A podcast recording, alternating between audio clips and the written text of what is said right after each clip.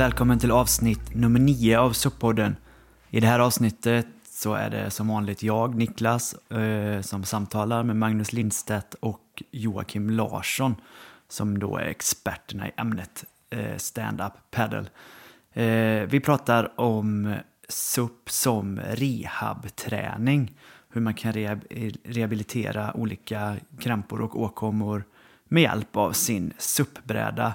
Eh, ett otroligt intressant ämne som jag tror att många kommer eh, uppskatta.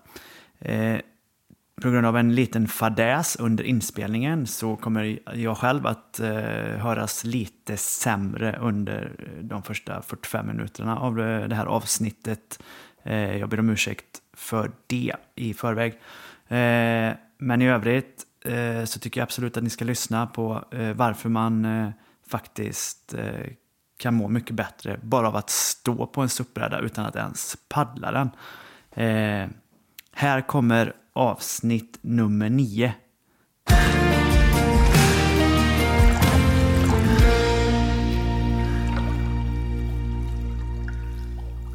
Då är vi tillbaka i den här provisoriska men ändå väldigt fina poddstudion i Motala i Göta kanals eh, fastighet faktiskt. Om inte jag helt fel. Det är faktiskt, vi sitter i Sveriges äldsta aktiebolags, aktiebolag. Göta kanal är Sveriges äldsta existerande aktiebolag. Och Sveriges längsta fastighet. Om man räknar kanalen, inte det här huset vi sitter i. Ja. Så vi, den här byggnaden vi sitter i, den, i mellanväggarna så ligger det slagg ifrån Motala verkstad. Så vissa väggar här inne är en meter tjocka. Så när det blir varmt här på sommaren så försvinner inte värmen förrän i, i december. Svinbra ju. Ja, så det funkar som element i hela husen. Så när vi ska dra kablar igenom då måste vi ha en sån här eh, som borr som är en meter lång. Det är ingen som klarar. Ja, sist vi var här i alla fall så lös solen och vi käkade glass. Eh, nu smattrar regnet mot rutan. Men vi är nyladdade med hamburgare, öl och kaffe. Så att, eh, ja, en liten öl var alltså, inte, inte några mängder. Eh, och idag ska vi prata om eh, SUP för rehabträning. Eller ja, rehabilitering genom SUP kanske man kan säga. Ehm, Så jag tycker att eh, vi kastar oss direkt in i det. Ja, men jag skulle säga så här. Det är väl ingen som inte har varit skadad eller? Nej, eh, skadad har nog de allra flesta varit på ett eller annat sätt. Ja, jag vet att Vi är ju alla tre medelålders män. Jag vet inte vad ni har haft för kramper men jag vet att du har problem med din rygg Joakim och Ja. jag får problem varje gång jag sitter mer än tre timmar på en dag. Liksom. vet, vet du vad det tyder på? Att dina kotor åker ihop. Ja. Och vet du vad det i nästa steg tyder på? Att du är svag i bålen. Jag har suppat för lite menar du? Ja, men det, det tyder på. Jag, jag såg det där när jag, jag reser, jag reser ganska mycket med flyg. Mm. Och eh, jag hade diskbråck och sen så fick jag faktiskt operera det. Sen har jag jobbat ganska mycket med bålen. Jag får ju ta bort. Nu ringer konas VD här. Vad är det här då? Ja, eh, vi Där får, det. ja, vi får ta om där. Klippa bort det.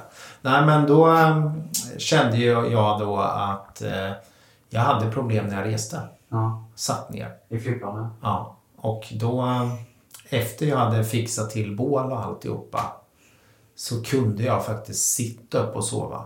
Så kan man inte sitta upp och sova så har man förmodligen någonting i ryggen som gör att det är obekvämt att sitta ner. Och då har man en, någon form av försvagning i, i ryggraden, eller runt ryggraden. Det är logiskt. Men blir inte alla ganska trötta av att sitta ner för länge? För vi är väl egentligen inte konstruerade för att sitta ner alls? Det har jag inget att säga om men jag jobbar det självupplevt. Ja, Liksom, att ja. Jag upptäckte i alla fall när jag blev stark i bålen genom SUP så kunde jag sitta precis rakt upp på flyget och bara somna. Det kunde ju inte jag förut. Jag kunde inte sitta ner ordentligt. Nej. För jag fick ont i ryggen. Jag kunde inte sova. Det var bångstyrigt. Och jag tror faktiskt det har att göra med det här nervsystemet också. Att nervsystemet pumpar ut i musklerna för att balansera upp. Att man faktiskt kan sitta sovande. Det är väldigt praktiskt. ja, härligt. Vad tror du om det Magnus? Blir man bättre på att sitta och suppa? Om man sitter mycket eller vadå? Ja, tvärtom. Mm. sitta bra om man suppar mycket. Blir man bra på att sitta om man suppar mycket? Eh, nej, det är en bra fråga. Ja. Är något ett annat avsnitt? Ja, jag tror det. Mm. Ja, nej, men, eh, grundfrågan i det här avsnittet är ju vad ska jag tänka på om jag vill re rehabilitera en skada genom SUP? Och vi tänkte väl att eh, vi har gjort vi har gjort en lista på, på kroppens alla leder nerifrån och upp faktiskt. För det kanske är lite olika för varje, varje del. Mm. Eh, ledstabilitet är ju något som du ofta säger när man pratar om, om rehab och SUP. Eh, mm.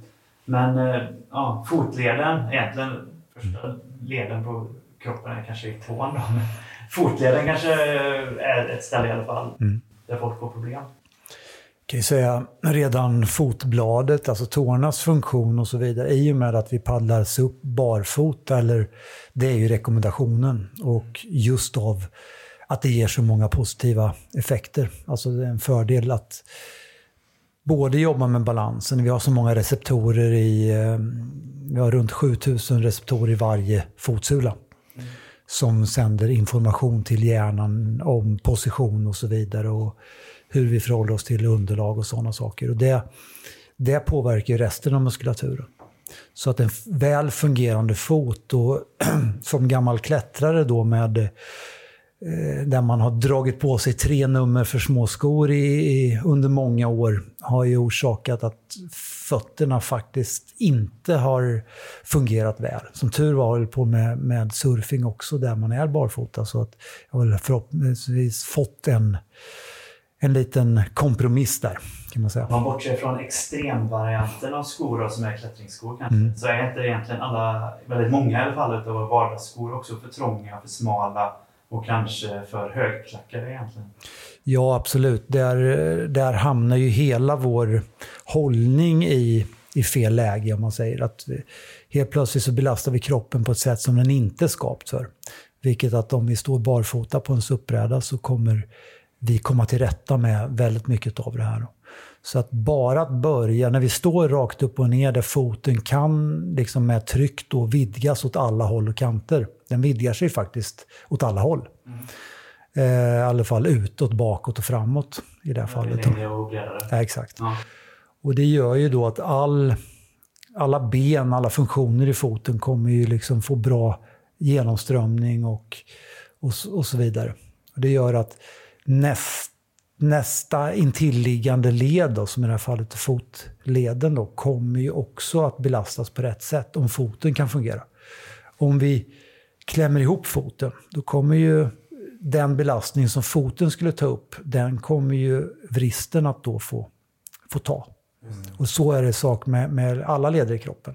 Alltså låser vi upp till exempel bäckenet då, som vi gör på grund av att vi kanske ser tillvaron som ett ett hot, alltså vi ser tillvaron fylld av krav, det blir ett hot. Det innebär att vi har skyddsreflexer till exempel som, som spänner upp hela bäckenet. Det är därför det gör så ont när man liksom börjar att köra yin-yoga i bäckenet och allt. Så det är ju en plåga, men mm. kan man bara sitta lugnt så kommer det där försvinna. Mm. Jag tänkte på fötterna Magnus. Mm. Jag hade förr i tiden så hade jag ont i hälen bak. Så här. Mm. Eh, jag fick ju så inflammation i hälen. Och eh, så, så la de in ett fotinlägg i foten så här. Så, så, ja, men det gjorde Slemsäckarna ja, alltså. Ja, precis. Mm. För att liksom minska belastningen. Mm. Men vad de gjorde egentligen... Gammal fin klätterskada. Mm. Ja, så det var, vad de gjorde egentligen det var ju att de låste upp mina små ben i foten. Så de kunde ju inte röra. Mm. Så sen började jag liksom faktiskt tänka på att nej, jag ska inte ha det där. Jag ska verkligen försöka gå lite på tårna och få igång benen i, i själva foten. Mm. Jag har inga problem idag med, med det. Och, och, det var ju precis som du sa, du låste upp liksom kroppsdelen i en, i en position där du faktiskt inte kunde använda gunget eller sån här dämpningen i, i benet som man har, eller ben, fotbenen man har i foten. Så det har ju, du har ju helt rätt, det har ju att göra med de här nerverna ute i varje del. Att man inte låser upp. Att man faktiskt använder alla delar. Ja, det är spännande, häftigt alltså det du säger. Och där har vi ju, tittar vi just på det här med bäckenet då eftersom vad funktionen är, det är precis när vi är stressade så drar vi upp axlarna. Och det är ju primärt för att skydda halsen om vi skulle bli Ja, men attackerade. många människor man går fram till, sen tar man dem på axeln. Och så rycks de liksom så här. Det, det, det är obehagligt. Det är nästan så de liksom, nej, rör mig inte. Man låser sig liksom. Ja, Men, men det, det, det kan du känna. Du kan bara känna på någon så känner du ju det. Ja, men det kanske är eh, grunden till många av de här problemen. Det är ju mycket av det just att, att vår primära funktion, då, vad är vi anpassade för? Och det är det vi tittar på just utifrån prestation. Alltså vilka reflexer har vi? Och reflexer är ju reflexer, det går inte genom vårt medvetande utan vi måste reagera direkt på den informationen som hjärnan tar, tar in om eh, miljön eller situationen vi befinner oss i. Och det gör till exempel då att om vi känner oss hotade så aktiveras de här reflexerna. Och till exempel en sån reflex är att vi spänner upp bäckenet. Vi låser fast bäckenet.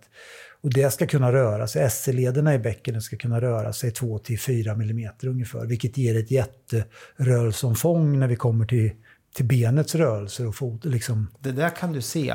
Jag, sitter, jag, jag bor nere i Varamån så jag har balkong så, här, så går massor med människor förbi. Så ser jag ju hur många människor som helst som går. Och så, det finns ju alla gångstilar som finns. Men man kan se ganska tydligt när man är väldigt stel i kroppen. Då tar man gång, liksom man tar korta steg. Eh, man rör inte höfterna. Alltså, det, det är så tydligt. Jag har en annan upplevelse för min fru hon är yin yoga teacher. Och jag kanske var lite stel förr i tiden. Men när jag började med yin yoga helt plötsligt kunde jag gå snabbare. Det är ganska spännande. Jag kan gå snabbare. För jag hade ju högre rörlighet. Jag, det har inte jag, inte, yin-yoga inte jättemycket nu, men jag suppar. Så där känner ju jag att jag har ett bättre rörelsemönster egentligen i både armar och ben och rygg. Och, alltså, det, det, det känns mer naturligt, det känns mer som, som nerverna funkar. Jag tror väldigt mycket på att nerverna ska funka. För att nå ut till de här små musklerna som du säger Magnus. Nej, det, det är som sagt bäckenet då. Om, om, om vi låser upp bäckenet som de flesta i, här i, i, i vår del av världen oftast gör på grund av egen, vad ska man säga, egen skapade krav. På att vi måste leverera, vi har helt, om vi inte levererar så leder det till en konsekvens. I det här, Alltså vardagsstress. Vardags, exakt. Man reagerar på samma sätt. Precis, deadline som ska hållas, barn som ska hämtas på dagis och så vidare. Och så vidare. Och det gör att, att då låser vi upp bäckenet som alltså ett, ett försvar. Och vad som händer då när bäckenet som ska kunna göra att alla andra leder i kroppen funkar, eh, inte, eh, inte tillåter det, då kommer rörligheten eh, tas ut i antingen ländrygg eller knän. Och då kan man ju liksom ganska snart se var har de flesta människor idag problem. Och var kommer överbelastningen någonstans? Det är ju oftast knän eller ländrygg då. Och det börjar egentligen i bäckenet. ja, eh, alla de här skyddsreflexerna låser ju upp delar av kroppen. Så att helt plötsligt så får vi bara vissa delar som tar all belastning. Och det här går vi runt med hela tiden. Vi försöker komma eh, underfund med att vi ska träna si och så. Och i många fall när vi tittar på träning då, så, så och går jag till gymmet och inte har förståelse för egentligen hur kroppen, eller min egen kropp då, har reagerat, så kommer den träning jag tror kommer förbättra mig, kommer alltså försämra mig i många fall. Den kommer leda till än mer överbelastning på vissa delar av kroppen. Men du, en bra grej att tänka på. Människor går ju till massören. Eller de blir så stela i nacken. Och du vet, gång på gång så går de ju på de här liksom kotknackarna kotknackarna. De går till massören och alltihopa.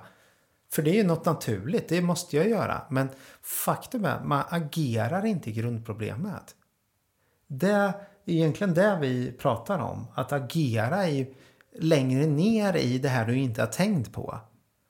Nerverna är ju ändå något, liksom, det är ju längre ner. Och där som Magnus säger, det är bäckenet. Det är ju verkligen sånt som man inte tänker på. Det bara det är, är ju... Nivå, liksom. Ja, men och vi håller på och tränar och tränar och tränar. Men förstå om alla människor bara hade kunnat tagit sig neråt lite. Mm. Vilken bättre bottenplatta, bättre effekt vi kan få ut. Och det, det är det här alltså det, det handlar om hela tiden för att vi ska komma underfund med vår egen funktion, alltså vår, vår, egen individuella funktion. Det är att vi måste vända oss inåt. Vi måste alltså fokusera mer på oss själva. Inte på vad som händer runt omkring oss i första läget. Utan när vi fungerar bra, när vi har förståelse för vår egen funktion, det är då vi kan göra någonting. Det är också då vi kommer kunna hjälpa andra. Vi måste förstå oss själv först och främst innan vi kan hjälpa andra. Så det är ju primärt det som, om vi tränas upp så är vi på vattnet. Vilket gör att helt plötsligt så släpper vi allt annat för att hjärnan är så fokuserad på att vi inte ska trilla i vattnet. Det gör att allt fokus går inåt. Så det blir extremt närvarande. Exakt. Och det är det som är meditation. Meditation innebär att vi vänder oss inåt helt enkelt. Så det spelar ingen roll, vi behöver inte sitta i någon specifik ställning eller på någon specifik nej, plats. Nej. Alltid när vi fokuserar på oss själva så mediterar vi. Men eh, nu känns det lite som att vi pratar om kanske så här eh, snedbelastningsskador eller belastning, att vi felbelastar och sånt. Mm. Men när man pratar fotleder och knän så pratar man också ganska, i alla fall mycket i, i lagidrotten som fotboll och basket, ledbandsproblem eller mm. korsband och sånt. Exakt. Den sortens eh, skador, kan man rehabba det också med SUP? Ja, det, vi ser ju till exempel att i många fall, många metoder bygger ju på att vi ska bygga upp den här ledstabiliteten. Det innebär att vi kanske ska stå på balansplattor och så vidare i väldigt isolerad miljö inne i, hos sjukgymnast och så vidare. Eller på gymmet då helt plötsligt när vi använder suppen på samma sätt, suppen blir ju som en balansplatta. Men här har, är vi ute i vår naturliga miljö, vi är ute i naturen helt enkelt. Och vi kan faktiskt samtidigt som vi bygger upp ledstabiliteten och får tillbaks styrkan, så kan vi behålla vår kondition. Mm. I och med att vi jobbar med överkroppen och armar och händer, vilket bidrar till en pulsökning. Ja, i och med att du använder så stor del av kroppen. Mm. Det är mycket blod som ska ut.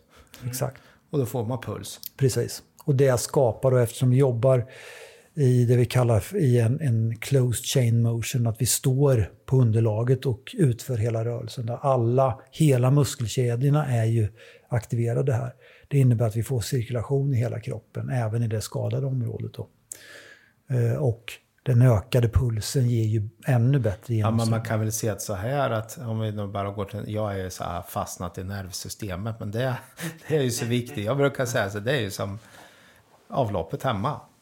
Är det någon som drar en riktig rökare i en toalett så kanske blir stopp va? Och sen så fixar man den där, men det kommer ju fortfarande vara massor med avlagringar där inne. Så det blir stopp igen och så blir det stopp igen och sen blir det stopp igen det, SUP är nog lite så rensande, liksom. Rensar avloppssystemen. Så faktiskt eh, flödet funkar i huset så man kan bli av med de där propparna. Ja men det är ju, det är ju viktigt vid skador med blodcirkulation. Det vet man ju sedan tidigare. Men jag tänker med fotleder till exempel, ledbanden i fotleden. Mm. Hur, hur lätt är det att suppa? Hur påverkar det balansen liksom? Eller, går det att suppa om man har en ordentlig ledbandsskada? Liksom? Ja, det funkar alldeles utmärkt utifrån att du har liksom den svullnaden och sånt avtagit då. Det är där man ska vara vila och högläge och sådana saker. Och I det fallet så, eh, så är det inte bra att stå upp och belasta foten i, i Nej, initiationsskedet. Då. Men så fort svullnad och sånt är borta, det är då vi kan börja bygga upp det igen. Då. Jag, jag har ju en kille här, en kompis till mig då, som åkte på, han gillar suppa, men han, han började ju suppa bara för att han vred av hälsenan. Ja. Så började han suppa och han har ju suppat ganska länge. Nu är han ju ute och springer. Han är en sån där eh, liksom topp top 50 på Vasaloppet. Han heter Kent då. Eh, men han, eh, han gör ju sina grejer grundligt för han vill ju kunna göra det igen. Mm. Så han la faktiskt nästan två år på SUP. Så han är helt full igång med... För att rehabilitera hälsenan? Ja, och nu har han ju fastnat i det. Så det, han suppar ju en eller två, ja. Han suppar ju tio, han bor ju i vattnet här nere så han suppar ju på morgonen eller på kvällen. Mm. Så det har ju blivit hans liksom längdåkning och hans träning gör att han faktiskt, hans kropp ser klart mycket bättre ut. Tidigare var han lite framåt snett. Så jag tyckte inte det var helt, helt, det är en ny, liksom, det är en ny kille liksom. Det känns som han är rakare. I... Har inte Magnus grekiska gudkroppen. Nej, nej, men det har han ju inte. Men eh, det, det är ju inte så många som har dem. Men... Ja.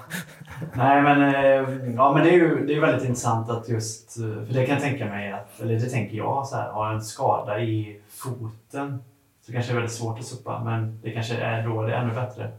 Det, ja. det märkte jag när, när vi började suppa, det som jag blev trött i först, eller där liksom jag började bli riktigt, riktigt trött, det var ju fötterna, det absolut mm. första. Mm. Och det, det, har ju den effekten, alltså då blir det precis tvärtom som vi pratade om förut med gripreflexen mm. i förra avsnittet. Alltså att om, vad ska man säga, om vi känner obehag, eh, alltså inte kontroll, då söker hjärnan sätt att, att hålla sig fast. Och det gör att du griper den även med tårna då. Mm. Och det är därför Alltså att om vi griper med tårna så isolerar vi ju då att belastningen kanske först och främst kommer vid knäna då. Istället för att den ska fördelas även på fotleden. Så att på så sätt, när vi gör andra saker i vardagen så kan vi se de här effekterna. Att I och med ett sånt beteende så får vi en ökad belastning på en specifik led. Som egentligen ska vara fördelad över, över flera. Då. Men eh, det jag vill säga med det så här innan, det är att till exempel en fotledskada. Det som händer är ju också i suppen, i och med att vi har en reflex som kallas för kompensationsreflexen, att om vi har en Eh, säg att vi skulle vara jagade av ett rovdjur och sen så eh, stukar vi foten. Så kommer vi fortfarande kunna springa med den här stukade foten tills vi är i säkerhet. Och det innebär att andra muskler tar över och gör att funktionen kan fortsätta. Och om vi om vi gör på samma sätt i, eh, alltså i vår vardag idag så kommer vi helt plötsligt få en överbelastningsskada i motsatta delen av kroppen. För att den har tagit all mm. den här belastningen för att skydda det här skadade området. På suppen blir inte det effekten. Eftersom det är så mjukt underlaget, om man säger att vattnet är i vika, så kommer vi inte förflytta all tyngdpunkt till motsatt sida. Nej. Utan vi kommer fortfarande behålla en ganska bra symmetri i kroppen. Men samtidigt som nervsystemet är påslaget hela kroppen. Det gör ja, det också att, är det ju alltid. Ja, alltså, men alltså mm. extra mycket kanske då. Mm. Ja, det vill, ju, det vill ju skydda det skadade området. Och det är ja, därför vi... Och, och, klart att kan man skapa mycket nervbanor och mycket, mycket sånt där som får med sig musklerna, det ökar ju chansen att faktiskt att man rehabiliterar sig snabbare. Mm. Men om man, alltså, när man springer då så stryker man foten mm. och så är man jagad. Så tänker man inte, eller man märker kanske inte ens det då. Nej, du får ju adrenalinpåslag. hade du säkert från början redan och så vidare. Men... Så det är också smärtlindrande. Ja, exakt. Jag, vet, men jag har hört någon gång om någon, någon MMA-fighter eller någonting som har mm. brutit handleden liksom, mm. och inte märkt det förrän efter match. Ja, exakt. Det är väl samma funktion då. Men eh, det är alltså andra muskler som tar över. Det är inte bara att man inte känner det. Nej, nej. Utan det är ju alltså, om vi eh, håller på med det här som kallas för evolugi och där tittar vi ju på vår funktion utifrån vad vi egentligen programmerade för, det vill säga överlevnad. Ja. Och tittar man då i, i situationen ensam överlevnad, ja, va, då måste vi klara oss själva. Hjärnan ser ju bara vår egen kropp som enda sättet att kunna överleva. Och då måste vi hantera det här oavsett om vi är skadade eller inte. Och det är därför den här kompensationsreflexen finns. Så att vi kan samla mat trots att vi har brutit benet eller stukat foten och så vidare. Men du sa att det fungerar inte likadant på en SUP. Så om jag mot förmodan då, det kanske är helt omöjligt, men om jag skulle stuka foten på SUPen. Skulle det inte fungera att fortsätta suppa då? Eller jo. skulle kompensationen se ut då? Nej, men det, alltså det som händer på SUP, om du tänker att du ska gå på ett hårt underlag och du har stukat foten, då kommer ju belastningen bli... Om du skulle fördela tyngdpunkten jämnt över båda fötterna så kommer det vara för smärtsamt. Mm. Och därför gör du inte det. Så därigenom så lägger du eh, mer belastning på mot, den friska sidan. Då. Medan på suppen så får du inte samma tryck. Vilket gör att du fortfarande kan behålla en bättre symmetri. Då. Och därigenom skapar det en bättre också blodgenomströmning. Ja, men om vi går vidare upp genom kroppen då. Eh, Det som eh, kanske är allra vanligast som åkomma lite till mans, kanske just på grund av mycket stillasittande då, är ju samma som, som Joakim led av när han flög så mycket flygplan, Mm. eh, är ju ryggproblem. Mm. Och kanske ländryggen då speciellt. Mm. Eh, det känner jag ju själv. Dagar där jag inte tränar, Mm. då har jag ont i ryggen. Dagar där jag rör på mig och Mm. tränar eller typ Mm. går i trädgården och sånt. Mm. Då uppstår ju aldrig den smärtan på samma sätt. Nej. Eh, däremot har jag kunnat känna mig lite trött i ländryggen när jag har suppat. Ja. Man har ju, i alla fall när man använder den här då som vi kallar Nordic Stroke-tekniken. Mm. Lite mer hopkrupen. Ja. Eh, och som liknar staktekniken i skidor. Man, liksom böj, man, man Mm. gör ett rygglyft och Ja, men precis. Mm. Mm. i varje rörelsesekvens. Varje pallcykel. Ja, Ja. just det. Eh, är, är SUP ett, eh, ett bättre rehabiliteringsverktyg för ryggproblem än eh, Ja, vad, vad, vi, Mm. vad jag har fått med ryggproblem och styrketräning kanske? Ja, det finns ju många, många sätt att, liksom, eh, att komma till rätta med samma problem. Då. Ja. Det som vi har sett i suppen i det här läget, det är ju att i och med att vi hela tiden måste hålla oss upprätta så kan vi jobba med hållningen på ett helt annat sätt. Och Det innebär att till exempel hur vi rör nacken och sådana saker är också det som kommer aktivera den muskulaturen som håller ryggraden utsträckt. Alltså det som distanserar kotorna helt enkelt. Och hjärnan fungerar ju så att alla muskler som inte används över tid, den, de stängs av. För att de kostar energi att hålla de här signalerna eh, vid liv hela tiden, eller aktiva. Då. Så att, men så fort vi börjar jobba med de här så återaktiveras de. Eh, och det är ju deras funktion. De, alla muskler ska ju vara med. Så att rör vi oss allsidigt som vi bör göra varje dag och kanske inte sitter på en stol hela tiden så, så kommer alla de här musklerna vara med och då har vi inte de här problemen. Men i och med att vi idag isolerar oss i olika positioner så kommer ju hjärnan stänga av muskler. Och det gör att, att vi kollapsar kan man säga i rent eh, muskulärt. Alltså, vi tränar isolerar vi väl oss. Exakt. Så att om du tänker att vi sitter åtta timmar om dagen eh, på en kontorsstol och sen så bör, går vi därifrån så kommer vi gå i en sittande position. Kliver vi över på suppbrädan så kommer vi också paddla i en sittande position. Så att vi förändrar inte den här hållningen. Utan vi har ju muskler som är anpassade nu efter att i en sittande position. Så att här måste vi helt enkelt alltså börja tänka på hur rör sig kroppen i en sittande position. Eh, och det här är ganska enkelt, det här kan man ganska snabbt testa hur det känns. Alltså att om man till exempel spänner ihop, kniper ihop skinkorna och sen försöker man röra sig. Knip ihop skinkorna och försök böja dig framåt eller gör en knäböj och så vidare. Eller gå. Då kommer du faktiskt ganska snart känna hur det känns. Eh, alltså mer tydligt hur man rör sig då. Och det gör att, att när vi paddlar upp då, så att om vi håller den positionen så kommer vi trilla framåt. Och det vill inte hjärnan. Så den kommer rätta upp sig själv.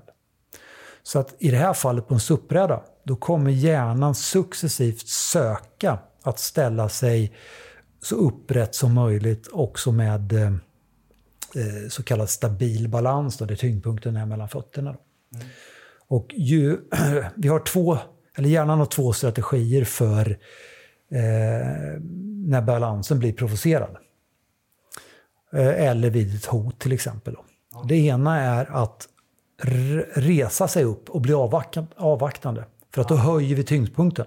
När vi höjer tyngdpunkten så bör vi bara falla åt ett håll så kan vi springa därifrån. Så är vi i rörelse. Så det är den, den, den strategin som de flesta människor har när, de, när balansen blir provocerad eller vi känner obehag. Medan vissa människor, och den här försöker vi faktiskt skapa på suppen, det är precis tvärtom. Att när vi blir hotade så kryper vi ihop.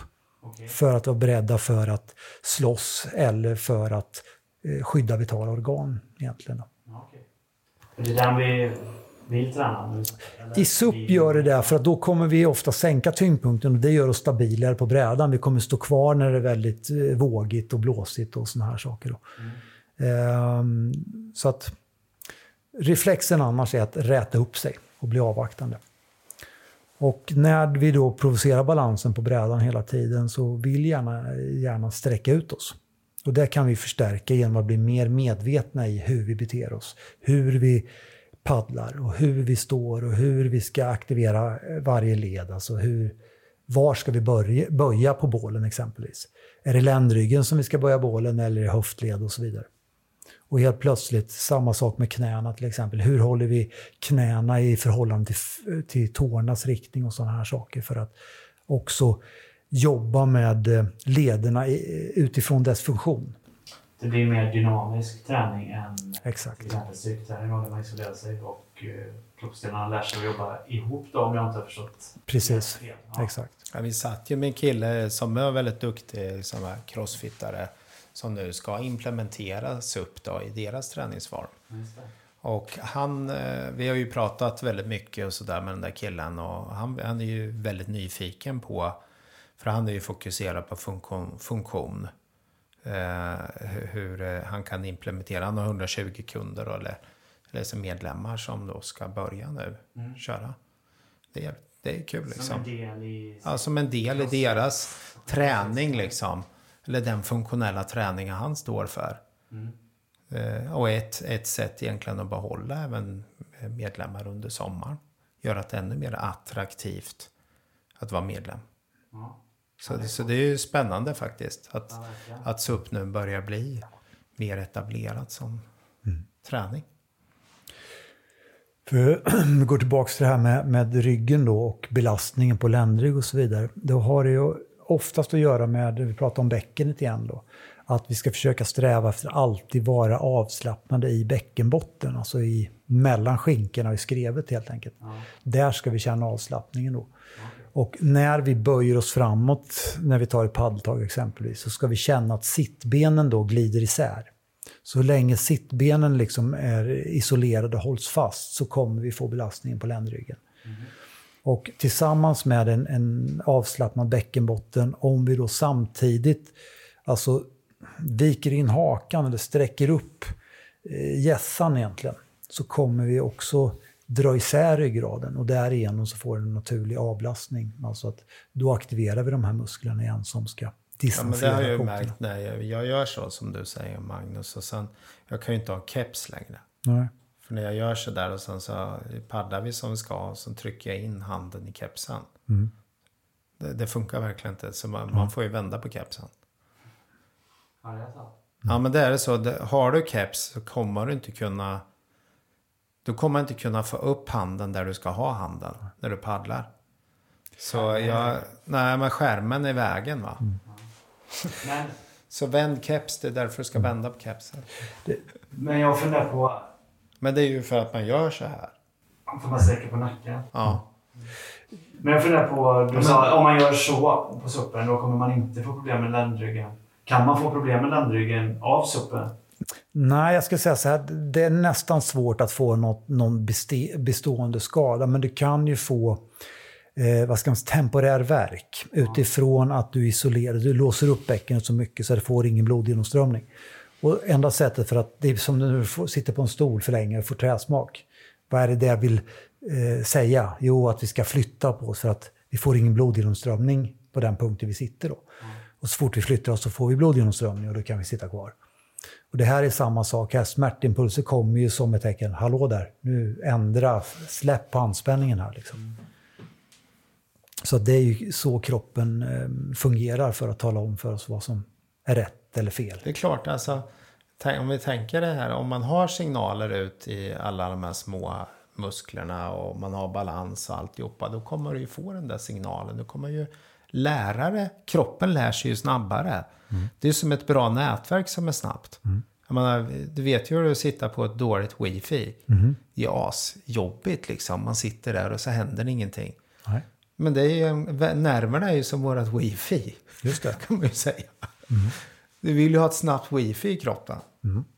Jo, men det, och det är det allt det här leder till, det, det proprioceptiva systemet här egentligen. Ju mer aktivt det är, desto bättre balans får vi, desto bättre kommer vi kunna korrigera kroppen för att eh, skapa de här. Men du, kan vi inte, lägen. kan vi inte köra liksom nätverket, alltså wifi till kroppen? Precis. Det är där vi jobbar med, wifi till kroppen.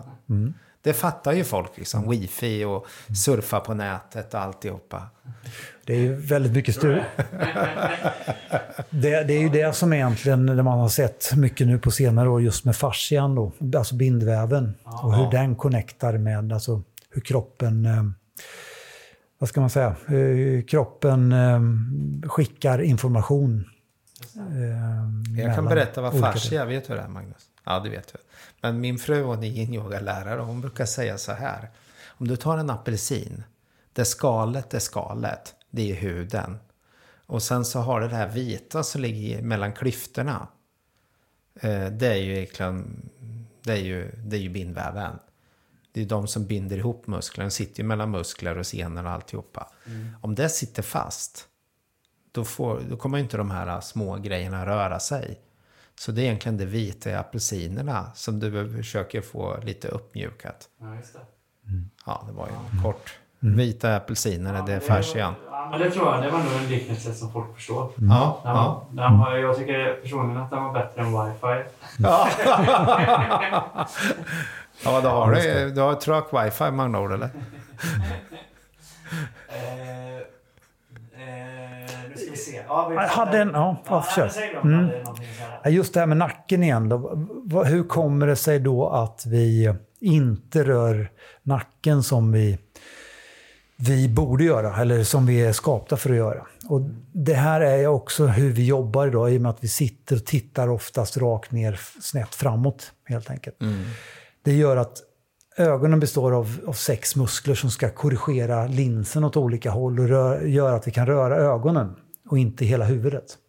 Att röra hela huvudet är ju väldigt eh, energikrävande från att bara röra ögonen. Då. Och det gör att till exempel när vi böjer oss framåt för att se horisonten till exempel, så böjer vi bak nacken. Och då gör det också att vi kommer översvanka. Och därigenom så får vi en ökad belastning på ländryggen eh, genom en, en över, översvank. Så att det vi behöver lära oss i samband med det här, det är att faktiskt hålla in hakan, böja oss framåt och titta liksom uppåt för att se framåt. Då. Exakt. Så att om man tänker sig att nacken är en förlängning på ryggraden även när vi böjer oss framåt istället för att huvudet åker bak. Att nacken böjs bak. För att när nacken böjs bak så tappar vi jättemycket av kraftöverföringen och vi belastar kroppen på ett helt felaktigt sätt. Då. Undrar om alla lyssnare sitter och håller på så här med nacken som jag har gjort. Känner efter vad Magnus snackar om. här, Va? Så Det är rätt bra att göra faktiskt. Ja, men istället för att böja huvudet bakåt så sträcker man ut. så att det man vill egentligen göra det är att, alltså att man drar in, man tittar ho- horisonten, håller huvudet väldigt neutralt, drar in hakan lite grann så att liksom eh, gässan, eh, nästan bakhuvudet, toppen på bakhuvudet åker uppåt så, så rakt upp som möjligt. Den positionen ska man försöka hålla nacken i så ofta man kan. Eh, både när man rör sig på planmark men även när man suppar. Då. Eller åker skidor, eller springer och så vidare. och så vidare. Det gör att vi får en mycket, mycket bättre hållning och därigenom eh, tar upp belastningen på kroppen eh, på rätt sätt. Förskjutning av huvudet framåt gör ju att vi måste använda muskler som inte är skapta för stabilisering av skelettet, alltså hållas upprättet, utan de musklerna som är till för att röra armar och ben. De måste också hjälpa till att stabilisera kroppen. Joakim prat- vill ju prata om nervsystemet hela tiden här. Eh, jag tänker med eh, nacken, om man blir så stel i nacken. De flesta nerver går väl Mm. genom ry- ryggraden, Mm. liksom genom nacken. Kan det påverka då om man blir förstelad att det blir så här som, som du förklarar när man sitter ner, att det blir liksom ingen blodgenomförsel? Exakt. Ingen... Impingement kallar man ju det oftast, alltså förträngning då. Att man klämmer ihop leder där det ska finnas cirkulation Eh, och alltså nervbanor som blir påverkade. Då. Och det leder ju oftast till smärtor, alltså smärtor i andra delar av kroppen som man inte riktigt kan... Det känns som att han har ont i benet, men det är i nacken. Mm. Och så vidare. Vi jobbar ju, jag kan säga, vi här jobbar ju, vi har ju en, mas en maskin som vi, vi, ja ursäkta, vi har ju en maskin som vi kan köras upp på land. Ja. Och då kan vi isolera de här bitarna. Så vi ser ju andra saker än med på vattnet. Så kan vi ju mäta kraften när vi drar. Det är ganska häftigt. Alltså hur i vinter, hur vi har använt den maskinen och lärt oss nya mönster och mm. aktiveringsmönster för att öka kraft. Och det där liksom, det, vi lever ju mitt i det här. Mm. Så vi är ju ändå alla som jobbar här och har hållit på med idrott. Och SUP är ju så pass nytt så alla måste ju på något sätt lära sig nya saker. Mm. Eh, även Magnus, liksom, vi kan ju sitta och resonera om Magnus. Ja, men det har jag inte tänkt på. Det är ganska häftigt när man kommer från olika håll. Mm. Och, och, det tycker jag är oerhört stimulerande för att suppen känner jag ändå liksom att ja, men det ska jag hålla på med. Eh, liksom lära mig det här för just kanske få bättre pres ja, prestation i andra saker eller ha ett bättre liv eller bli mjukare i kroppen eller vad, you name it, till och med kanske ha bättre nervtrådar upp i skallen så man faktiskt kan vara lugn. Man kan analysera. För det, jag menar, att våga vara lugn gör ju att du blir, alltså rent, du blir ju smartare va. Att, att vila är viktigt. Ja, och sen reflektera. Och sen agera. Och det, många människor har ju, kan inte vila. Det finns inte det, men det innebär att de kommer ju aldrig reflektera. Så de fortsätter ju att köra i sitt spår. Så det, att, att, man får aldrig chansa där. Det är också en naturlig funktion just att vi har det beteendet. För det handlar ju om en flykt ifrån det som, är, som vi ser är jobbigt. Eh, ju mer vi gör, desto, desto, mer vi, vi hittar på att vi måste göra, desto mer slipper vi tänka på det som vi tycker är jobbigt. Då. Så det är också en, en, helt naturlig funktion som man kanske måste titta till och, och som sagt, kanske fokusera inåt lite grann för att förstå stämma att man har av. det beteendet. Ja. Mm, stämma av, tänka på. Och, och, det jag vill säga här utifrån det du sa Jocke, det är att, att det som är intressant då, att vi lär oss hela tiden mer eh, om vi liksom delar erfarenheter. Och det är precis så att SUP är så pass nytt. Så att det vi och det jag lär mig framförallt eh, mest av nästan, det är ju de som kommer in i SUP nu, deras erfarenheter. Det är de som hjälper till att föra SUP och tänket kring SUP framåt.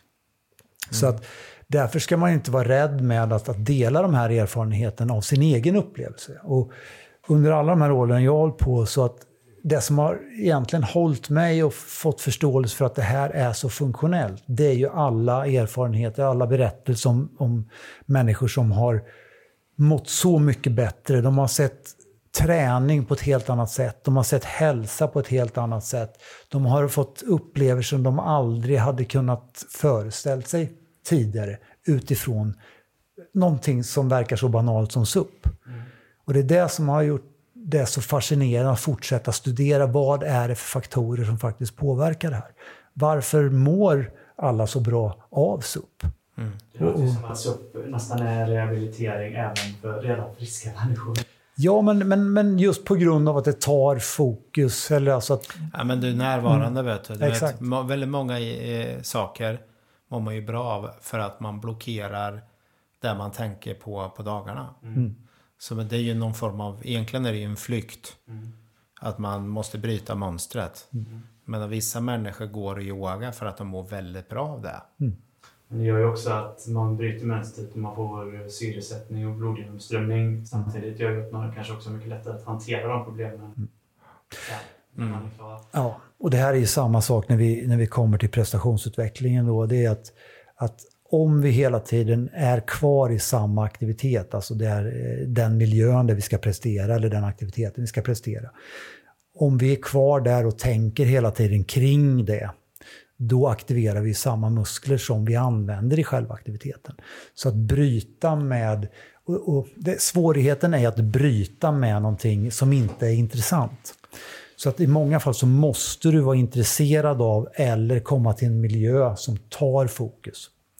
Då får du den här återhämtningen.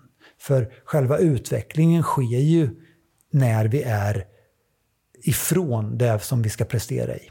Det är då hjärnan sätter allting samman som vi har tagit, lärt oss och tagit in information kring. Det är när vi helt plötsligt tänker på andra saker, det är då det här sätts samman. Det är då vi får en utveckling kring det. Mm, Inte man, när vi är kvar ja, Man kan ju säga så här, vissa människor vill ju mäta allt med klockor och pulsklockor. Och, och vissa är liksom, nej, det gör jag inte, jag gör det bara för att det är skönt. Men att mäta, ha koll på saker och ting gör ju faktiskt att man kan inrikta sin träning bättre. Just det. Eh, För det är, jag menar, man kan känna en sak, men det kan vara en helt annan sak. Ja, men jag behöver inte, jag behöver inte göra något nytt, det är så kul att gå. Ja. Men det kanske är så att nu har du gått här i tio år och du behöver kanske satsa på dina, din balans och din muskulatur istället. Och det tror jag att många idrottare liksom fortsätter att bara köra. Det har gått liksom och sen blir man äldre. Och så fortsätter man och bara gör samma sak. Ja, det händer ju någonting med kroppen så man måste ju, man måste ju förändra mönstret för att bibehålla kapacitet. Och det, här är ju dessvärre vår funktion, vår programmering igen. Att skapa rutiner. För rutiner eh, är ju helt enkelt att spara energi. Ja. Och därigenom så tror vi att samma, sa- mer av samma leder till utveckling. Och det är aldrig sant. Nej. Utan alltså, snarare blir det nästan tvärtom då, som vi ser i så- så många fall att, att folk faktiskt blir övertränade för att de tror att det är, ja men jag har gjort det för lite. Sen bara lägger man på mer av samma belastning och därigenom så, så säger Ja, men kroppen det, är ju, liksom. det är ju inget, det är inget farligt att vila. Men vissa människor kan inte vila. Men vi, får de- ingen, vi får ingen uppbyggnad eller utveckling om vi inte vilar. Nej men alltså jag har så så många exempel på det i min krets där man absolut inte vilar. Så man, man tränar ju så mycket, man får ingen utveckling. Och då funderar, funderar man ju på om det är liksom utveckling man har, vill ha eller man helt enkelt bara vill träna.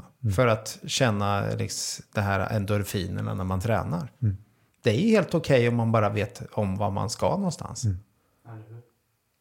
Och det här är ju... Kan vi göra en liten paus? Ska jag bara göra en justering här? Så klipper jag bort det sen. Um, jo, om man tänker på det här med, med ehm, för att få den här återhämtningen, för att också få rätt vad ska man säga, genomströmning för att läka en, en skada till exempel. Så att det enda vi behöver göra när vi paddlar eller står på SUP-brädan, om vi har, skulle ha en skadad fotled eller knäled till exempel, det är att vi exempelvis bara fokuserar under en, en tid bara på att vara avslappnad i fötterna. Mm. Tillsammans som att under nästa sekvens bara fokusera på att vi är avslappnade i bäckenet. Och så vidare och så vidare. Och när vi kommer upp sen till övre, alltså överkroppen och armar och skuldror och såna här saker så handlar det väldigt, väldigt mycket om just det här med att vara avslappnad i händerna. Okej. Ehm, händerna orsakar ju nämligen att om vi knyter händerna eller greppar hårt om någonting så kommer vi också kontrahera hela muskelkedjorna. Hela kroppen kommer att dra ihop sig. Så knyter vi båda händerna så kommer hela kroppen att dra ihop sig. Ja, det där kan jag dra en liknelse till windsurfing. För att många människor greppar ju som bommen skulle vara det sista man höll i. Vet, du vet, då blir du ju trött va? Jag seglar ju alltid bara med fingrarna. Jag har ju fyra fingrar, jag håller på bommen. Jag håller knappt i bommen. Slappnar jag av händerna.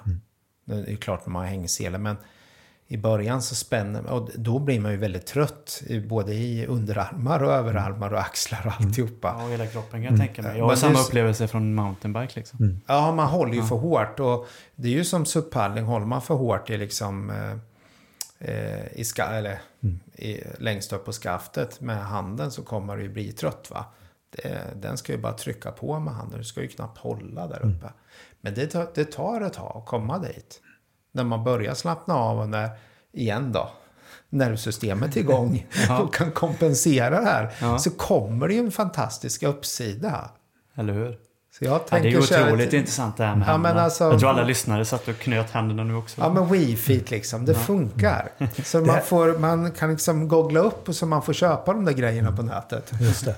det här är paradoxen i klättring. Alltså att ju tröttare man blir i klättring, desto hårdare griper man genom gripreflexen då, eh, om de greppen man håller i. Men man borde göra tvärtom. Exakt, desto Ja. tröttare blir man. Så att ju, mer, ju, ju, mer, eller ju mindre man inte vill falla, desto större sannolikhet är att man Att man falla. faller. Precis. Ja, men det är bara att titta på när de kör Mästarens Mästare, de hänger i händerna. Ja. Så vet vi att de här lättaste kommer att hänga längst. Men de som faktiskt bara hänger i händerna och kan slappna av i händerna, de kommer absolut hänga längst. Så är det. Ja. Det, det är där det sitter, alltså att kunna slappna av fast man tar i. Och det, det kan ju jag se på Magnus, eller när vi suppaddlar, att det är ju en liten resa, men det sker i steg. Jag hade en diskussion med Robban här, en kille som Robban Rosenqvist som kom hit förra året, som verkligen kom hit för rehabil- rehabilitering, hade uppblåsta höfter Artros i hös- artros i höfterna, han var lite sned i ryggen. Han, han var lite framåtböjd, köpte buss, jobbar i sjukvården. Han är ju liksom... Han, det är ju en helt ny person vi har. Han har fått igång sitt nervsystem. Och det är ju det här som håller honom uppe. Det är ju det här som gör att han går upp. Han är helt galen. Han går upp fyra eller fem på morgonen ut och paddlar innan jobbet. Ja, men Då, då har han hittat sitt. Han mår bra. Det, det, det, det är faktiskt... Det är ju fantastiskt skulle jag vilja säga. ja, det är coolt. eh, Men jag tycker det är intressant hur man då i en situation som hans gör liksom när man ska börja. Att det skulle kunna kännas. Jag förstår ju det här med rehab för om man säger liksom från fotlederna upp till nacken. Alla de eh, bitarna. Att det är, bra för det liksom. Sen kan jag tänka så här, det kanske är svårt att komma igång med SUP just. Det kan kännas, kan i alla fall säkert kännas för många som en stor eh, tröskel att ta sig över. Men sen tänker jag också på det här med, med armbågar och handleder. Mm. För där känns det ju mer som att det kanske skulle kunna bli en... Om jag bara tänker på det utan att Ja, man djupare in i det. Där skulle man kunna få en jobbig påfrestning istället. om man paddlar fel Ja, så kan det bli en belastning. Men det är ju det här att vi pratar ju hela tiden om att man ska eh, driva på med kroppsvikten. Inte armarna. just det. Vi paddlar, vi, vi håller inte på med kajak. Vi håller på mer med en sport som heter SUP. Där man driver med viktförskjutning. Man måste se skillnaden. Mm. Jag, menar, jag, jag, har jag har också gjort fel eh, för många år sedan och sådär. Och, och, ehm, det, det, först så lär man ju sig, man får ju ta det lite lugnt. Det tar ett tag. Sen kommer man till en viss läge där man på något sätt kommer över en tröskel. Och helt plötsligt kan du ju paddla i väldigt låg pulszon eller med låg puls. Men det går hyfsat fort. Men innan där, det är svårt att paddla i låg pulszon om man ska trycka på. Verkligen. Det, det, det. Robban sa det till mig igår, han träffade honom och sa att "Ah, fan, det känns bra nu, nu känns det som jag kan paddla i en lägre pulszon. Det är ju så med allt. Man behöver ju hålla på ett tag. För att komma på tekniken också. Ja, men jag tänker att om man har ont i ryggen till exempel och bara att du står på brädan och sätter fart på liksom, liksom musklerna runt omkring. Vi menar ju inte att du ska rotera ryggen. Alltså ryggproblem vill man ju inte rotera ryggen. Man vill inte rotera ryggen. och Det är får- liksom, man får ju inte det. Nej, men jag ska säga att, att, att det spelar ingen roll. Alltså, jag menar, vi kan rotera ryggen och belasta den i, i väldigt eh, hög belastning utan att det leder till en skada. Utan det är liksom bara... Nej, men jag tänkte om man har en skada så vill man inte man vill inte twista ryggen för mycket. För att om man oftast har man ju en disk som ligger i Man vill kläm. inte belasta det skadade området utan det är ju det är de andra musklerna Men bara till att man står på pa- liksom suppbrädan där. Kommer man ju göra, sätta fart på liksom det här som Det är kommer runt göra omkring. skillnad ja. Det, det, det gör stor skillnad fort alltså. Men kan man även eh, förbättra till exempel en skada i armbågen eller handleden också? Ja, och, det är det här som är intressant. Vi har ju till exempel just med axel och skulderskador och sånt så har vi ju tittat på att jobbat med eh, alltså nästan bara skaft eller väldigt, väldigt små blad. För det gör att just paddelrörelsen i sig, där vi belastar hela skuldran, alltså där hela skuldran, alla muskler runt skuldran också är med i rörelsen. Vilket gör att det ökar cirkulationen där. Ja. Vilket gör att det läks betydligt Men snabbare. då, vi men då blir det ju viktigare, som Magnus säger, då blir det viktigare att man inte kör med för stor paddel. Att Mm. man mer snarare jobbar frekvens. Just det. Så att hålla på Det är själva rörelsen, inte belastning som i det här fallet Ja, men du får det cirkulationen. Exakt. Det är den man är ute efter. Det är det som är så svårt att få. Om man får ont i en axel eller en armbåge och sen rör man sig inte. Det blir nästan sämre. Och det är, en, det är ju en naturlig reflex där också. Så att Ja. det, det är ju det att man måste själv inse att man... Jag hade den faktiskt reflexen ont i axlarna förut. Men så, när, när jag liksom har kommit igång och suppar. Jag inte, finns inte en tendens till att jag har ont någonstans här uppe. Här skulle man ju i många fall behöva eh, alltså visa, det är synd att vi inte har video nu då, men man tittar ju på hur vi belastar kroppen i ytter, dess ytterläge till exempel, en axel och så vidare. Om vi extenderar axeln så kommer vi försätta leden i ett ytterläge. Ja. Så lägger vi belastningen där så är ju axeln försvagad. Det gör att vi är mer skadebenägna i det läget. Så i många fall, till exempel när vi ska ta ett paddeltag, så ska vi fortfarande ha ihopdragna skulderblad till exempel. Man kopplar skulderna som man säger. Och det gör att då läggs ju belastningen på de stora ryggmusklerna istället för små, mer eh, vad ska man säga, stabiliserande muskler i det här fallet. Och det är, det är samma sak när vi kommer till armbåge. Varför vi får ont i armbågen? Det är för att. Ja, och det handlar om att i många fall då att vi griper för hårt om padden exempelvis. När vi griper för hårt om padden så låser vi upp handleden. Och rörelsen kommer då tas ut i armbågsled. Det. Och det är så all belastning som ska vara fördelad blir bara till en led. Och därigenom så blir det snabbt. Nej men alltså det är, Mm, eh, om man börjar och suppallar och sen man låser upp kroppen där och sen så låser man upp hela kroppen och liksom spänner varenda del och sen så står man isolerat och drar med armarna på sidan så här. Det, det, är liksom, det är inte så man ska paddla sig upp. Det är ju att först ska man ju liksom få igång nerverna i fötterna, få balans, känna det här flödet som kommer inifrån och att man faktiskt kan slappna av. Eh, och Men vi har tänkt, vi ska göra en liten video på faktiskt den första tio minuterna nu. Liksom första delen i det här. Och tar man sig över de första tio minuterna så kan man faktiskt hålla på själv. För att bygga upp det där, den här avkopplingen. för det är av, man måste ju slappna av först innan det blir njutfullt. Många tycker ju faktiskt SUP, eh, man är ju lite rädd. För att man, man, man, man eh, kanske testar en gång. Och så är nervsystemet inte liksom, balansen inte uppe. Så ramlar man i. Det, det, men det, det är ju ett, man vill ju inte vara dålig va? Så är det ju. Nej men det, Ja. är, det är en utmaning. Också en reflex. Det är också en reflex. Man vill inte framstå som dålig. Men det är ju faktiskt de som har de bästa resan i SUP. Som faktiskt har ett problem att stå upp. Det bygger ju på att de inte har de här nervbanorna och balanssystemet kanske igång. Just det. Här kan man ju bli väldigt frustrerad när man jobbar med prestationsutveckling. Att människor i många fall inte förstår att man jobbar utifrån sina nuvarande förutsättningar. Så ska man börja med SUP och aldrig hållit på med det tidigare, ja då börjar man ju från noll.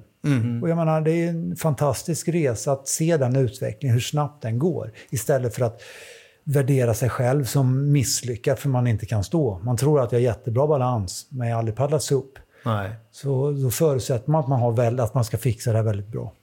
Hur gör man då? Börjar man på knä då? Eller, kan man, göra det? eller hur ska man tänka där? Ja, men alltså, återigen när vi pratar om det, just det här med att bryta träningen, att inte göra samma sak som vi gör i andra fall. Då. Ja. Det är ju att, att jobba med brädkontroll, att lära sig hantera brädan, lära hantera sig själv på brädan. Det innebär till exempel att det vi kallar för fitnessträning, då, eller grundläggande suppträning i det här fallet, det är att kunna gå ifrån liggande position till stående och ner till liggande igen. Så att liggande till knästående till stående. Ifrån stående till knästående till liggande. För då kan vi hantera allting som skulle hända på vattnet. Oavsett vilka stora vågor det kommer eller vind och så vidare. För ibland måste vi kanske paddla liggande för att ta oss igenom brytande vågor och såna här saker. Så att bara den, eh, det kommer att göra att vi får en fantastisk rörlighet och stabilitet och balans. Bara genom den Nej, rörelsen. men alltså att hur man paddlar sig upp kort är det ju egentligen att man, man måste ha blicken i horisonten för det första. Man kan inte ha blicken nära sig själv. För då kan du inte hålla balansen. Så det är fram med blicken 10 meter framåt i alla fall. Eller blunda. Ja, det gör ju vi. Vi gör ju träningar där vi faktiskt blundar och paddlar. Och, och, det, och vi paddlar 10 på ena sidan, 10 på andra sidan. Det är otroligt skön känsla. Eller paddla i mörker. Ja, men alltså, kommer du Paddlat i mörker har jag gjort. Mm. Eh, Men blunda. nej, det har jag aldrig gjort. Nej, jag har paddlat alltså- i kolmörker här ute mitt i vintern i 6 minusgrader. Ja, men då har du fortfarande ögonen. Det är ganska häftigt på sommaren att göra det där. Ja. För då, du, du- det uppstår helt nya...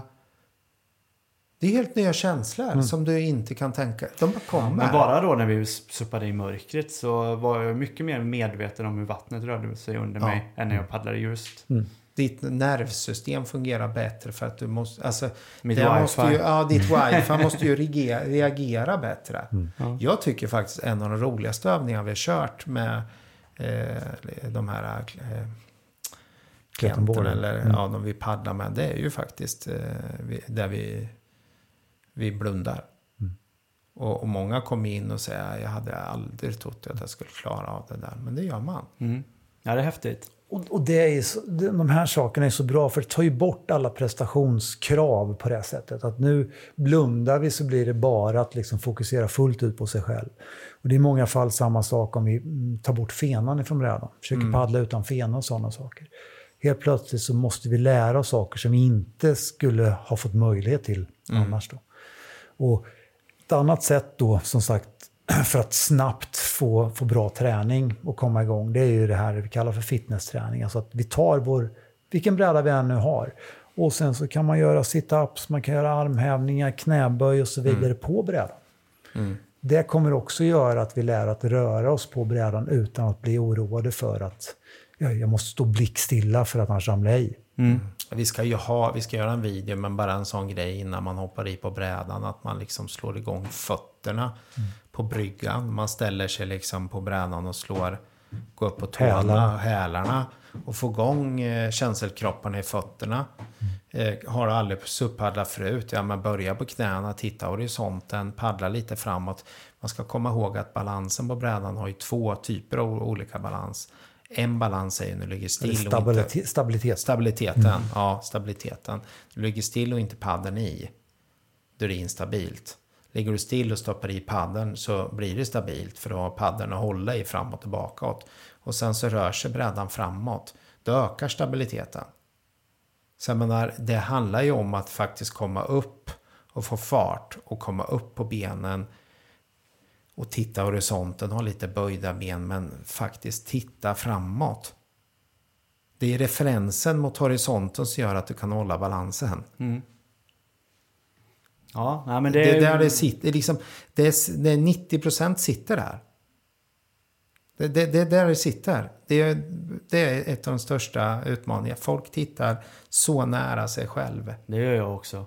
Och sen lite rädda och knyter ihop sig. Det är faktiskt, bara tänker man på det. Börja på knäna, sätt fart på brädan, titta framåt i horisonten, kliva upp med ena benet, fortsätt upp. Kan du inte kliva upp från brädan, börja stående, ner med paddeln i vattnet, titta horisonten, paddla lite försiktigt framåt.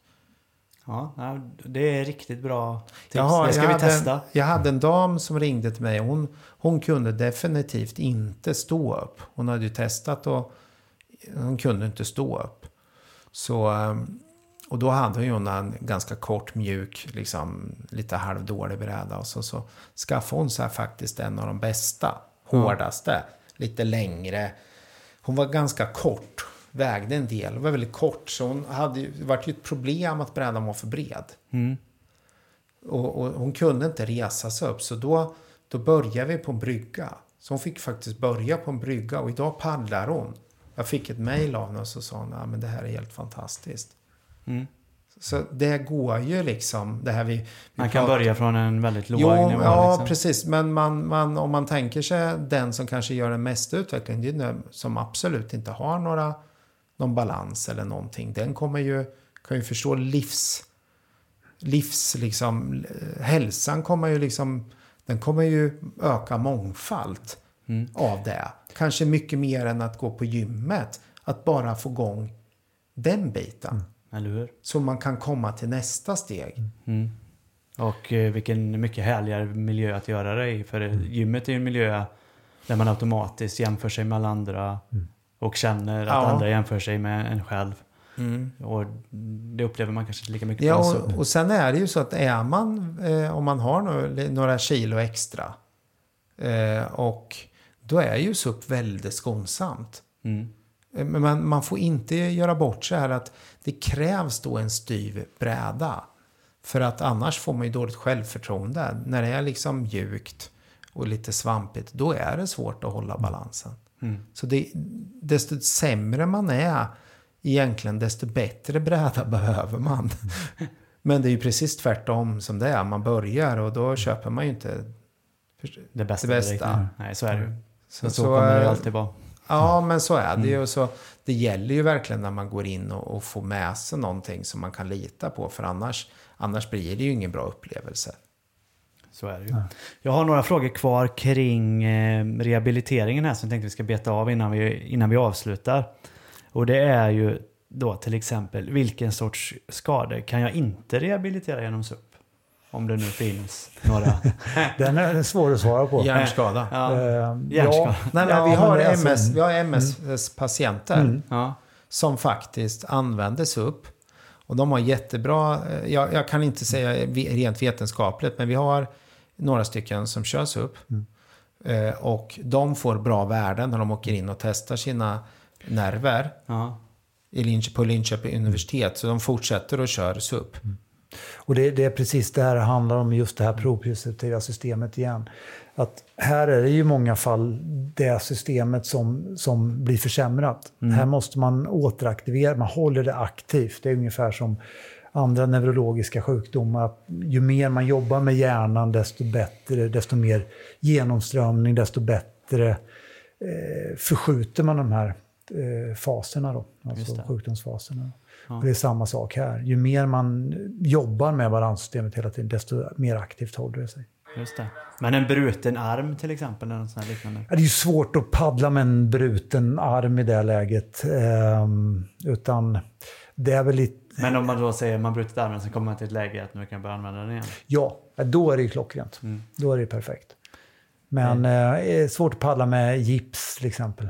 Skulle jag säga. Mm, det är där man ska ha underarmen rak. Det Ja, kan ju bli lättare blir- ja. faktiskt om man har ett gips över Om armbågsleden. det är, precis, ja. Men svårt då om man ska byta sida. Ja.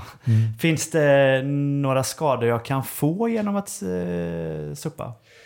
Ja, De skador jag faktiskt känner till, det är ju traumatiska skador. eh, Och oftast när folk har av en våg eller någonting eh, fallit i och liksom försöker lägga, hålla i brädan när man faller, landa på bröstkorgen. På Okej. en hård bräda då vill säga. Ja, ja. Så har du någon spricka i revbenet har väl uppstått sådär. Men hade det varit en uppblåsbar hade det aldrig hänt. Nej. Men eh, det är väl den enda liksom Men det finns inga förslitningsskador som man kan få? Nej, eller? utan alltså det som händer är ju då att vi, vi får den här verken kan man säga av eh, liksom för hög anspänning under för lång tid. Ja. Men det blir ju ingen belastning på det Ja, sättet. det är ju inte Nej. farligt. Nej. alltså. Nej, precis. Det är inte en Ja, skada. men vi det är hade mer ju- en, eh, vi en hade- trötthet. Vi, eller? hade Exakt. ju, en- vi var ute och körde en tur här förra året. Och Janne han hör säkert den här podden. Han, lite, han, han vill köra, han kan inte vänta sådär. Så han, han drog iväg där och vi, jag väntade in alla andra. Så skulle vi köra iväg där. Janne du hör det här va? Det här är lite kul. Han drog iväg där. Det var helt kolsvart i vatten. Vi såg inte en sten. Men han bara pumpade på där. Och sen bara rakt in i en sten. Det var ju inte kul men han ramlar framåt. Han kör in armbågen rakt i laminatet på brädan. Det är liksom så här. Det blir ett hål i brädan. Kommer ju hög hastighet. Ja. Det här är på våren. Det är ganska kallt i vattnet. Han ramlar i vattnet. Ja, det är lite kul Janne, eller hur? Ja, urs- du får be om ursäkt. Jag ber om ursäkt Janne, men det var lite kul faktiskt. Ja, så om man är lite för stursk helt enkelt så, så kan man ju råka ut för fall och slagskador helt enkelt. Ja, Ja. inte särskilt vanligt, men Nej. Nej, det är väl också att, att om man skulle, om det är väldigt grunt till exempel, att man hoppar i och skulle landa på en sten eller någonting med foten. Men det är ju ingen fara om det är djupare. Liksom. i det här fallet så tyckte jag mer synd om brädan än honom. Vad, um, jag vet att vi har diskuterat det tidigare, men att slå huvudet i brädan när man trillar till exempel. Det, det har jag aldrig faktiskt hört talas om att det har hänt. Men jag har ju själv fått, när jag vågsuppat då, eh, och gjort lite dumma grejer, så fått vågen har tryckt brädan i ansiktet på en. Så här saker. Men Just det. det händer ju inte vanlig plattvattensupp. Nej. Det är minimal risk. Nej, det är ju en liten risk mot en foil till exempel. Ja, Då kan Det- man ju bli av med benet eller, eller en windsurfingbräda som går fort. Ja, men vi pratar om ja, windsurfing, men där, är där kan man göra sig illa. Där slår man oftast av rebenen, för man ramlar in i bommen. Ja, Och rebenen går ju av ganska lätt när man trycker utifrån och in. just det. Aff. De har svårt att andas, men det brukar gå bra. ja. Då krålsimmar man kanske inte in. Inte, förmodligen inte. Ryggsim kanske. Ja. Min sista fråga är eh, om man har något slags funktionshinder. Funktionsvarierad tror jag det heter nu för tiden. Ja, den, har- ja Men precis. Den, ehm, finns det liksom... eh, Kan man suppa på ett bra sätt om man till exempel är rullstolsburen? ja, Man får ju kanske ja. sitta ner då, men finns det speciella suppar eller speciell utrustning man kan använda? Ja, faktiskt så har man gjort eh, att man har haft brädor, lite bredare varianter, där man har liksom eh, rullat på rullstolen på brädan. Så du Okej. sitter i rullstolen och paddlar faktiskt. Och det är att du får det här, liksom, det här perspektivet som man får när man står upp och paddlar i förhållande till när man sitter ner. Ja, Och eh, det är många som tycker det är väldigt, väldigt behaglig eh, position på det Häftigt. sättet. Mm. Så, eh, Sitter men, rullstolen fast i brädan då? Ja, det gör den. Ja. Måste vara ganska bred, för annars man får ju stor gravitation. Exakt. Ja. Så det kan ju, sitter han fast, om man sitter fast i rullstolen, så kan man ju vända upp och ner. Sitter man upp och ner, det är inget skönt. Nej. Nej, de, alltså, de som sitter i rullstolen kan nog ändå simma med armarna eller röra armarna. Ja, men det tänker jag. Men jag tänkte om rullstolen inte satt fast kunde det bli lite dyrt. Det blir lite dyrt, ja. Precis. Gå åt många rullstolar. Just det. Ja, nej, ja, men det låter ju helt fantastiskt. Det måste kännas helt magiskt ju. Tänker Ja, jag. men framförallt, men SUP bygger ju väldigt mycket på det här äh, bålen. Mm. Ska man, aldrig, man ska ju komma ihåg att det är ju där, det är ju där liksom det ger mest effekt. Men ja, man kan sammanfatta så här då att alla åkommor går egentligen att eh, förbättra eller göra sig av med genom SUP. Och eh, vad sa du Joakim? Att man blev smartare. Till och med om man är lite dum kan man suppa så blir man smartare. Nej, men det blir ju ett sätt att kanske gå ner i varv. Ja. eh, Öka upp blodcirkulationen upp till huvudet. eh, Få nervbanorna att funka. eh, Minskad risk när man ja, ute och går till och med för man har bättre balans. Alltså jag tror ju att smartare vet jag inte men eh, jag tror absolut det är bra Mer funktionell, definitivt. Mer funktionell ja. Och det vi pratade om i förra avsnittet, eh, som kanske inte eh, förtydligade där, det är ju att, att SUP är en av de ytterst få aktiviteterna där vi faktiskt lär kroppens stabiliserande och mobiliserande muskelsystem att samverka. Alltså att eh, mobiliserande är de musklerna som gör att vi kan röra armar och ben. Eh, och stabiliserande som håller skelettet och hållningen, alltså eh, håller skelettet upprätt. Så att helt plötsligt så kan de här systemen börja samverka som de, som de ska igen. Och därigenom så får vi den här rörelseprecisionen och, och balansen. Man kan säga nästan som elbatteriet i bilen. Och sen hjulen gör att vi går framåt. Det är de mobiliserande. Och stabiliserande, det är själva karossen. Karossen, va? ja, precis. Ja, ja, men du ser. Eller i en dator, vad är det då? Det är bara de rörliga, det är rörliga delar. delar och det är du det, som är liknelsernas... Eh, Ja, dator är jag. Ja, ja. ja, men det är ju, man, man tänker oftast inte så. Mobiliserande och stabiliserande. Det är ju, det tänker man ju verkligen inte på. Nej. Nej. Och det gör de, de stabiliserarna kan ju inte röra sig speciellt mycket utan de är miss, mer bara för att aktiveras, att skapa anspänning och inte. Då. Och det är de musklerna som till exempel gör att kotorna i ryggraden distanseras och hålls isär. Och så fort vi inte använder dem så kollapsar ju. Ja, man sjunker ihop liksom. Exakt, Det, ja. det är så, ryggen är så tydlig. Och det är, inte, det är inte att musklerna inte fungerar utan det är att hjärnan har stängt av signalerna till de musklerna. ja, Så ja. det gäller bara att Ja, därför nerv- man kallar å, återaktivering ja, kallar man ju Precis, ja. det för. Då. Superhäftigt. Superhäftigt. Är det häftigt? Superhäftigt. Superhäftigt. Precis. Ja. Jag eh, känner att jag har fått svar på alla frågor vi hade för det här avsnittet. Ehm, Så ja, återigen, tack för det här avsnittet. Vi återkommer med avsnitt 10 nästa gång. Aha. Ja. Kul! Tack själva. Tack och hej. Tack.